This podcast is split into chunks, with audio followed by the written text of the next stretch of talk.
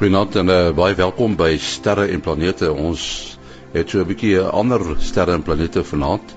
Ons gaan gesels met natuurlik professor Mati Hofman van die Universiteit van die Vrystaat en die Boyden Sterrewag, maar ook met uh, professor Marian Tredu van die Departement Geologie aan dieselfde universiteit. Maar voordat eers een of twee nuusbrokkies. 'n Amateursterrekundige in Wisconsin, Amerika, het 'n impak op die planeet Jupiter waargeneem. Dan Peterson het gesê dat dit 'n helder flits was wat tussen 1 en 2 sekondes geduur het. Hy het 'n Meade 12-time GPS teleskoop gebruik om die gebeurtenis waar te neem. Die flits is dig by die suidergrens van Jupiter se noordelike ekwatoriale wolkgordel waargeneem. 'n Video van die impak kan op www.universetoday.com gesien word. www.universetoday.com Sterrekundiges wat inligting van die Hubble ruimteteleskoop gebruik, het twee stertrosse waargeneem wat in 'n vroeë stadium van samesmelting is. Die trosse is 170 000 ligjaar ver in die Groot Magellaanse Wolk. 'n hoofnavorser by die Ruimteteleskoop Wetenskap Instituut in Baltimore, Maryland, Elena Sabbi, het gesê hulle het na die gebied in die ruimte begin kyk omdat hulle vir sogenaamde wegholsterre gesoek het. Daar is bevind dat in plaas van een massiewe stertros in die sogenaamde Tarantula nevel, daar twee trosse is wat in ouderdom met 'n miljoen jaar verskil. Sabbi sê die voorwerpe was nie sferies soos verwag is nie, maar meer ellipties wat daarop dui dat hulle deur swaartekrag beïnvloed word en die aanduiding is dat die twee trosse nader aan mekaar beweeg. Tot sover ruimtenis. Einde September is daar weer 'n sterrekyk aand, maar die keer met 'n verskil. Kom neem saam met die sterre en planete span 'n reis deur die sterrehemel met 'n verkyker. 29 September by die Koppiesdam Natuurreservaat. Ongeveer 80 km vanaf Kroonstad en Vanderbijlpark. Kom luister hoe Mati Hofman en Henny Maas beduie hoe om ruimtevoorwerpe met jou verkyker op te spoor. Navraag kan gerig word aan Rina 056 515 3549. 056 515 3549. So 'n bietjie ander sterre en planete vanaand, want ons sit hier uh, by die Boyden Sterrewag in Bloemfontein. En ons kuier saam met die vriende van die Boyden Sterrewag. Hier by my het ek uh, natuurlik vir professor Mati Hofman, dit is mos sy koninkryk hierdie. En ons het laas om professor Marian Terdu, sy's uh, van die departement geologie aan die Universiteit van die Vrystaat. En uh, sy het so 'n bietjie vroeër vanaand het sy uh, gesels oor uh, hierdie besoekers van Mars. Dis nou nie mannetjies met groen koppe nie, maar dis dis klippe wat uh, hier op die aarde land en uh, hierdie klippe sou dan nou van Mars afkom. Uh, Marianne, ek wou eintlik sommer dadelik met die deur in die huis val. As jy nou rondloop en daar's nou 'n klomp klippe, hoe weet jy, hoe op aarde weet jy dat hierdie klip van Mars afkom? Nee, nee, daar's geen manier wat mens dit kan weet nie.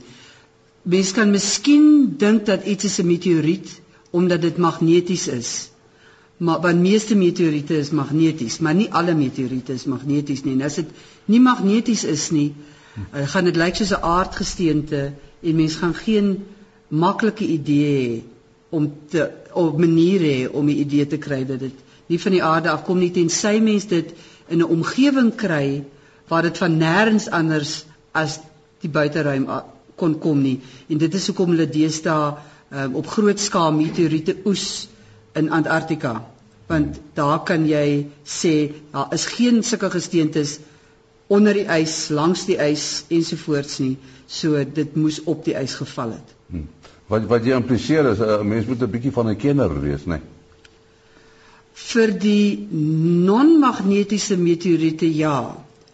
En dit word in baie spesifieke plekke gesoek. Maar ek sou enige iemand wat baie in die natuur ehm um, kom aanraai om altyd 'n magneet saam te neem.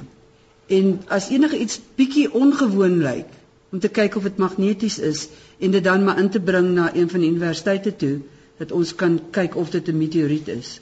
So ek so nee om om dit primêr te identifiseer het mens eintlik geen kennis nodig behalwe die feit dat meeste meteoriete is magneties. Hmm. Maar nou nou sê mense hierdie hierdie meteoriet, die klip kom van Mars af.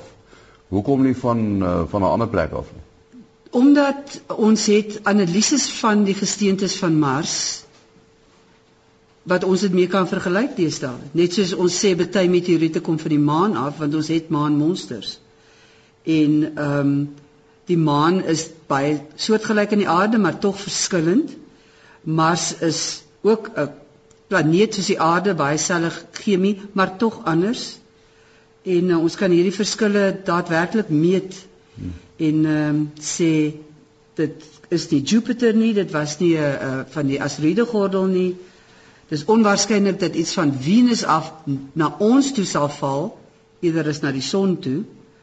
Ehm um, so maar stukke van die ander planeet, planete sal ons kan kan identifiseer. Matie, wat is die verskil nou weer tussen 'n meteoriet en 'n asteroïde? Wel 'n asteroïde is 'n voorwerp wat in 'n baan om die uh om die son is uh wat klein of groot kan wees. 'n Meteoriet is per definisie iets wat op die aarde geval het. Dit kan 'n klein brokstukkie wees uh van 'n asteroïde uh wat dan nou in sy baan by die aarde se baan gekruis het en dan is hy uh het hy die val deur die atmosfeer en die verbrandingsprosesse wat daar plaasvind weens die groot hitte oorleef. Uh uh so jy kan na drie verskillende name van 'n voorwerp verwys afhangende van watter fase is. Voordat die aarde se atmosfeer getref het, kan dit 'n stukkie asteroïde wees, 'n baie klein asteroïde, hopelik. Dit kan seker by geleentheid 'n groot asteroïde ook wees, maar dit gebeur baie selde. As mense hom dan daar in die atmosfeer sien gloei, is dit 'n meteoor en as hy die val dan oorleef het, die stukkies of dit kan een of meer brokstukke wees wat dan tot op die aarde kan oorleef wat dan 'n meteoriete is. Hmm. Uh, Marianne as 'n mens uh, nou kyk na Vredefort.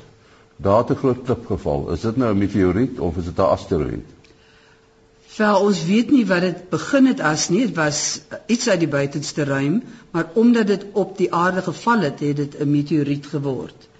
En in daardie geval dink ons dit was omtrent so groot soos Tafelberg. So dit was 'n redelike klip. Maar nou uh, as as 'n mens uh praat van uh, Pilansberg wat eintlik 'n vulkaniese uitbarsting was. Uh, maar daar was tog 'n debat op 'n stadium of dit nie ook 'n impakkrater is nie. Hoe weet 'n mens dis 'n impakkrater of 'n uh, uitbarsting? In die veld as as mense impak gehad het, die die meteoriet druk die in die grond af of die die die uh, uh gesteente laag af en dan spring hulle terug. En hulle spring gewoonlik deur meer as 90 grade terug. So hulle hulle wys in, kan ek nou maar sê. Mense kan sien hulle en as mens uh, na die Vredefort uh koepel toe gaan, kan mens daar uh, langs die Vaalrivier dit duidelik sien hoe dit so in en ook by Swaing krater byvoorbeeld naby Pretoria, maar in 'n uh, vulkaan wat goed uitstoot, kyk die laag die teenoorgestelde. Hulle wys almal na die kop van die vulkaan toe.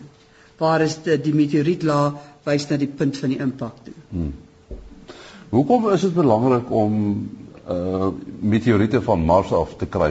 Wat sê dit vir ons? Belangrik, ek weet nie dit is interessant want dit is die uh, totdat ons begin land het op op Mars en self daar analises gedoen het, was dit die enigste manier wat ons enige idee kon kry oor hoe die chemie en die mineralogie van Mars dieselfde is of verskil van die aarde. Dit is dieselfde as die maan. Dis dis dit was vir 'n lang tyd die enigste manier wat ons kon geweet het wat op ander liggame in ons sonnestelsel aangaan. En natuurlik 'n mens kan dan nou afleidings maak want die groot vraag natuurlik met al hierdie planete is is daar lewe?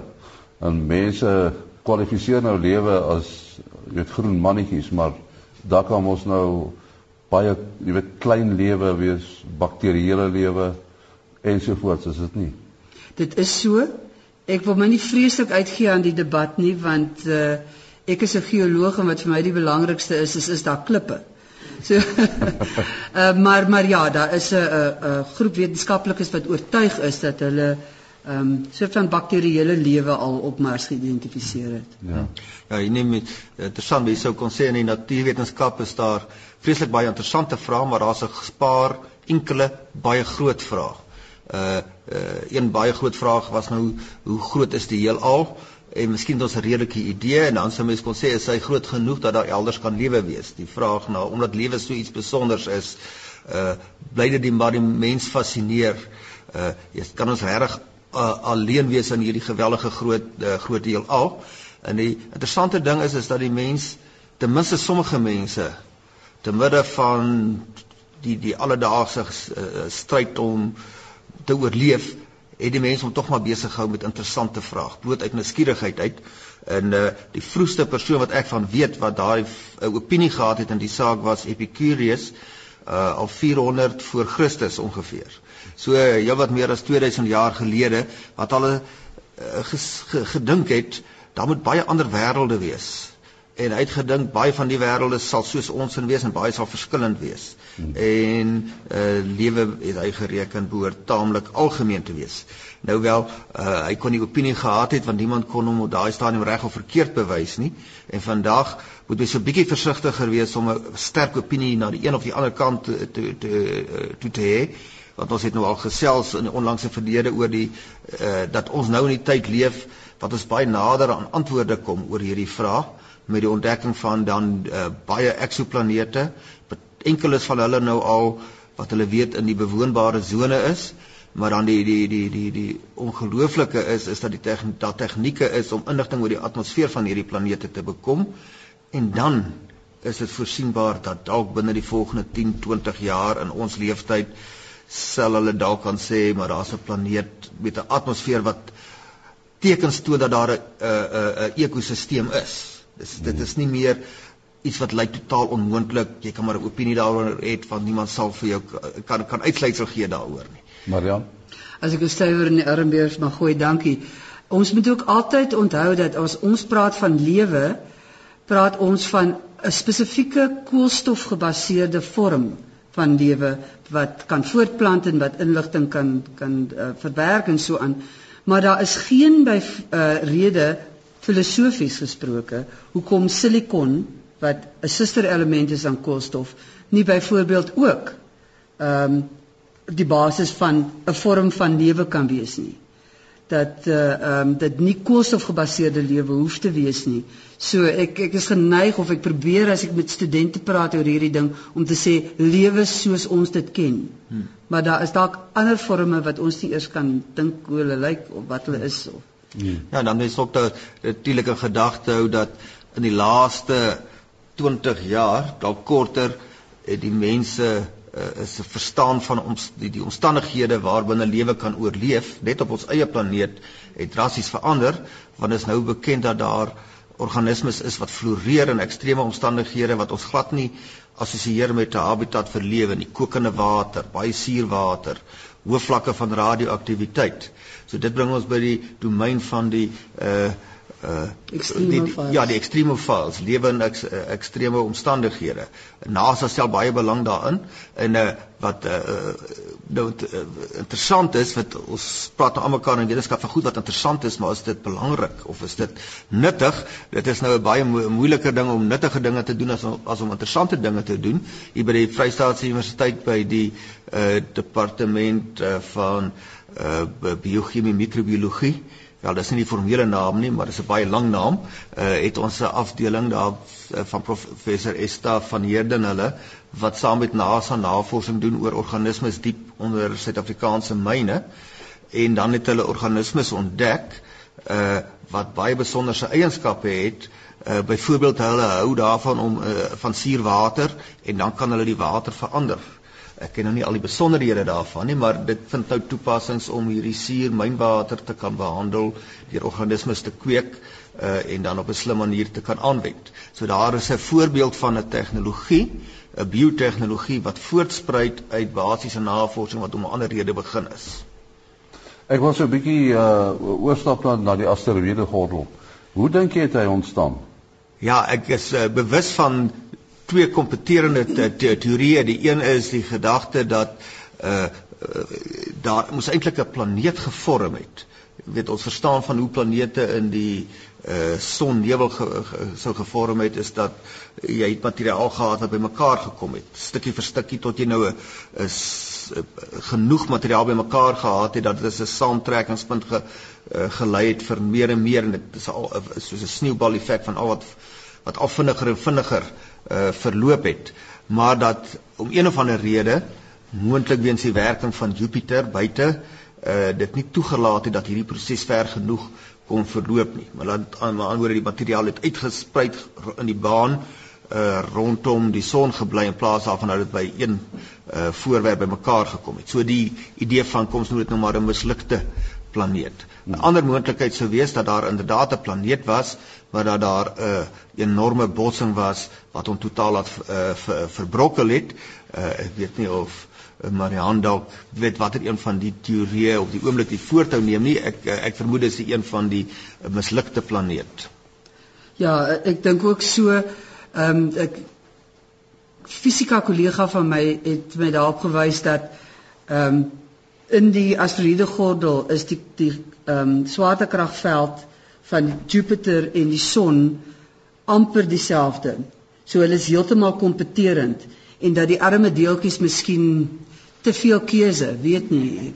En dat dit is hoekom hulle nooit ehm um, almal bymekaar gekom het nie, net so stuk stuk stuk gevorm het. Ja. ja. Dis 'n baie interessante uh veld en met die met, in hierdie era wat ons nou die kragtige rekenaars het om hierdie veel liggaam probleme te verstaan. Wiskundig is dit baie moeilik. Uh ons kan met bietjie moeilike wiskunde wat mens so in tweedejaars vlak op universiteit kan bemeester, kan jy die twee liggaam probleem kan jy hanteer. Hmm. Uh weet fisici hou daarvan om sake so eenvoudig as moontlik te verduidelik, weet jy veronderstel as net die aarde en die son en al die ander uh hemelliggame se effek ignoreer jy en dan kan jy dit met mooi wiskunde gaan oplos. Maar sodra jy drie liggame het, soos die aarde en uh uh die son en die maan, dan het jy 'n rekenaar nodig. Uh maar nou natuurlik as jy nou nog al die ander groot planete bymekaar sit, dan raak dit baie interessant. Weet hierdie kollektiewe effek oor veral oor lang termyne, dan begin jy sekere patrone kry, soos uh die sogenaamde Trojaanse maane wat vir Jupiter party voor hom, party agter hom is. Ehm um, jy kry weer in die Saturnus stelsel het jy baie interessante dinamika rondom die uh, van sy maane en die ringe, hoe die goed mekaar help stabiliseer. Uh so ek dink dit is 'n baie uitdagende interessante veld wat natuurlik 'n spesialisveld is. Hmm. Marian, uh mense hoor deesdae van wat my betref 'n baie esoteriese ding en dit is dat die die ouens dink nou daaraan om om asteroïdes te gaan myn. Uh, uh is dit moontlik? As ek sien wat doen hulle met Curiosity op Mars op die oomblik, voel ek amper enige iets is moontlik maar hulle sal versigtig wees watter asteroïdes hulle myn want ek neem aan dit is vir vir metale wat hulle wil myn en as hulle uh, gaan kyk na 'n uh, gewone Ceres is waarskynlik 'n planeetjie wat baie lyk soos ons. In watter geval dit definitief nie die onkoste lonend sou wees om al die pad Ceres toe te gaan om 'n myn vir goed wat jy in elk geval in dieselfde hoeveelhede op die aarde sou kon kry nie. En die metale konsentreer nader na die son toe. So verder uit jy gaan hoe minder gaan jy hê tensy jy metaaldeeltjies het soos in ehm um, die kondriete. So om 'n kondriete gaan myn, miskien ek uh, is bevrees ek dink ons gaan onsself poetjie in omval lank voordat ons die tegnologie het om dit te doen. Ja. Hoekom uh, daai metale is dit dan so skaars dat hulle nou al daai moeite wil gaan doen? Ek dink nog nie hulle wil daai moeite gaan doen nie. Nee, dis nog nie so skaars nie. Ehm um, maar daar is afdelings in baie van hierdie groot ruimteorganisasies wie se werk is om te dink aan hoekom ons na die asteroïdes toe moet gaan. Dus soos hulle sê wat wat ook al die die geld inbring aan die einde van die dag jy moet 'n idee hê en 'n idee is om te gaan myn, maar ek dink nie dink nog regtig nie dis 'n ernstige idee nie. Uh jy het uh, vroeër in jou lesing het jy gepraat van uh Antarktika uh hoe mense uh meteoriete daar gaan oes. Wat gebeur presies dat daar nou juist daar meteoriete moet wees? Ehm um, wel meteoriete val oral heeltyd op die aarde, Maar uh, meeste van hulle val natuurlik in die see. Dit help ons nie baie nie. Baie van die ander ehm um, word nooit gekry nie want niemand kom op hulle af nie of hulle lyk so baie soos aardgesteentes dat mense hulle nie identifiseer as iets spesonders nie. Maar dit val ook op die ys. En die ys uh, is die gletsers is riviere. Hulle vloei afterhand en as daar enige ehm um, enige uh, sturing kom byvoorbeeld 'n heuweltjie, dan wil die ys oor die heuweltjie vloei, maar soos dit oplig, begin dit verdamp. En as dit verdamp, dan val enige swaar materiaal wat in die ys is daar uh, terug. Sodat dit is hoekom mens dan ehm um, meteoriete wat miskien oor honderde jare oor 'n groot area geval het, duisende jare versamel dan op die ou end ehm um, aan die voorpunt van wat hulle noem 'n Nunatak.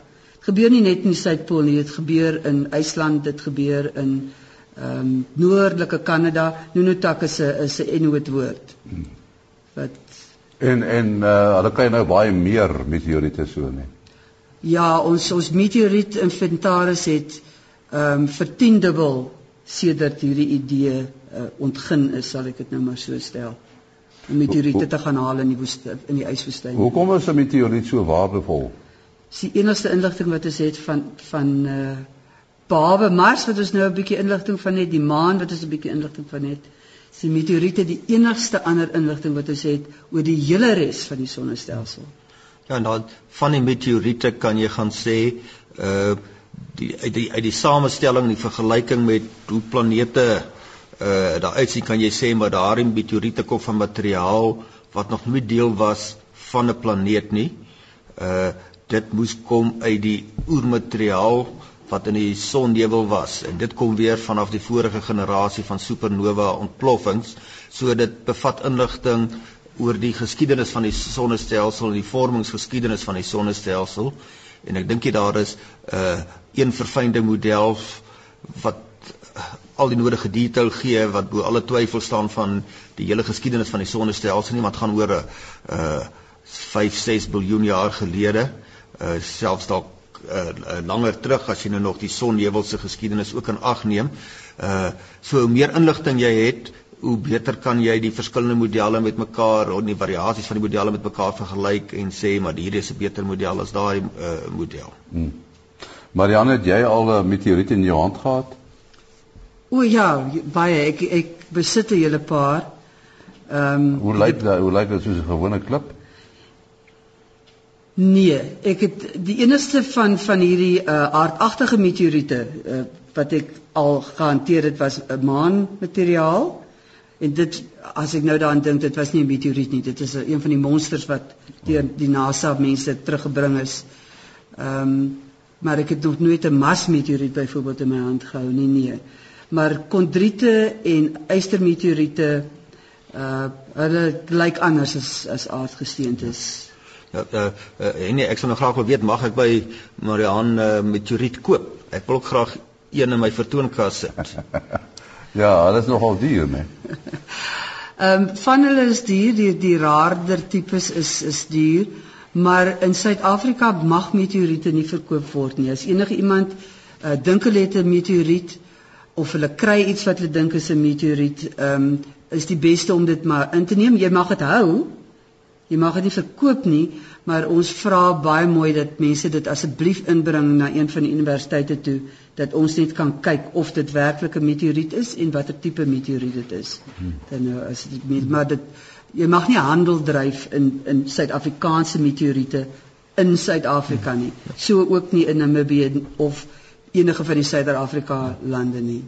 Die as ek 'n meteoriet sou optel, kan ek hom 'n naam gee wat wat my pas of is daar 'n konvensie waar volgens 'n meteoriet sy naam moet kry? Daar's 'n konvensie die wat wat ehm um, opgetel word of gesien word dat dit val en gaan mense dit gaan soek, vernoem jy dit na die naaste poskantoor of treinstasie. Dis 'n baie onromantiese manier, maar die die uh, yswoestyn meteoriete het nog 'n baie minder romantiese manier van doen.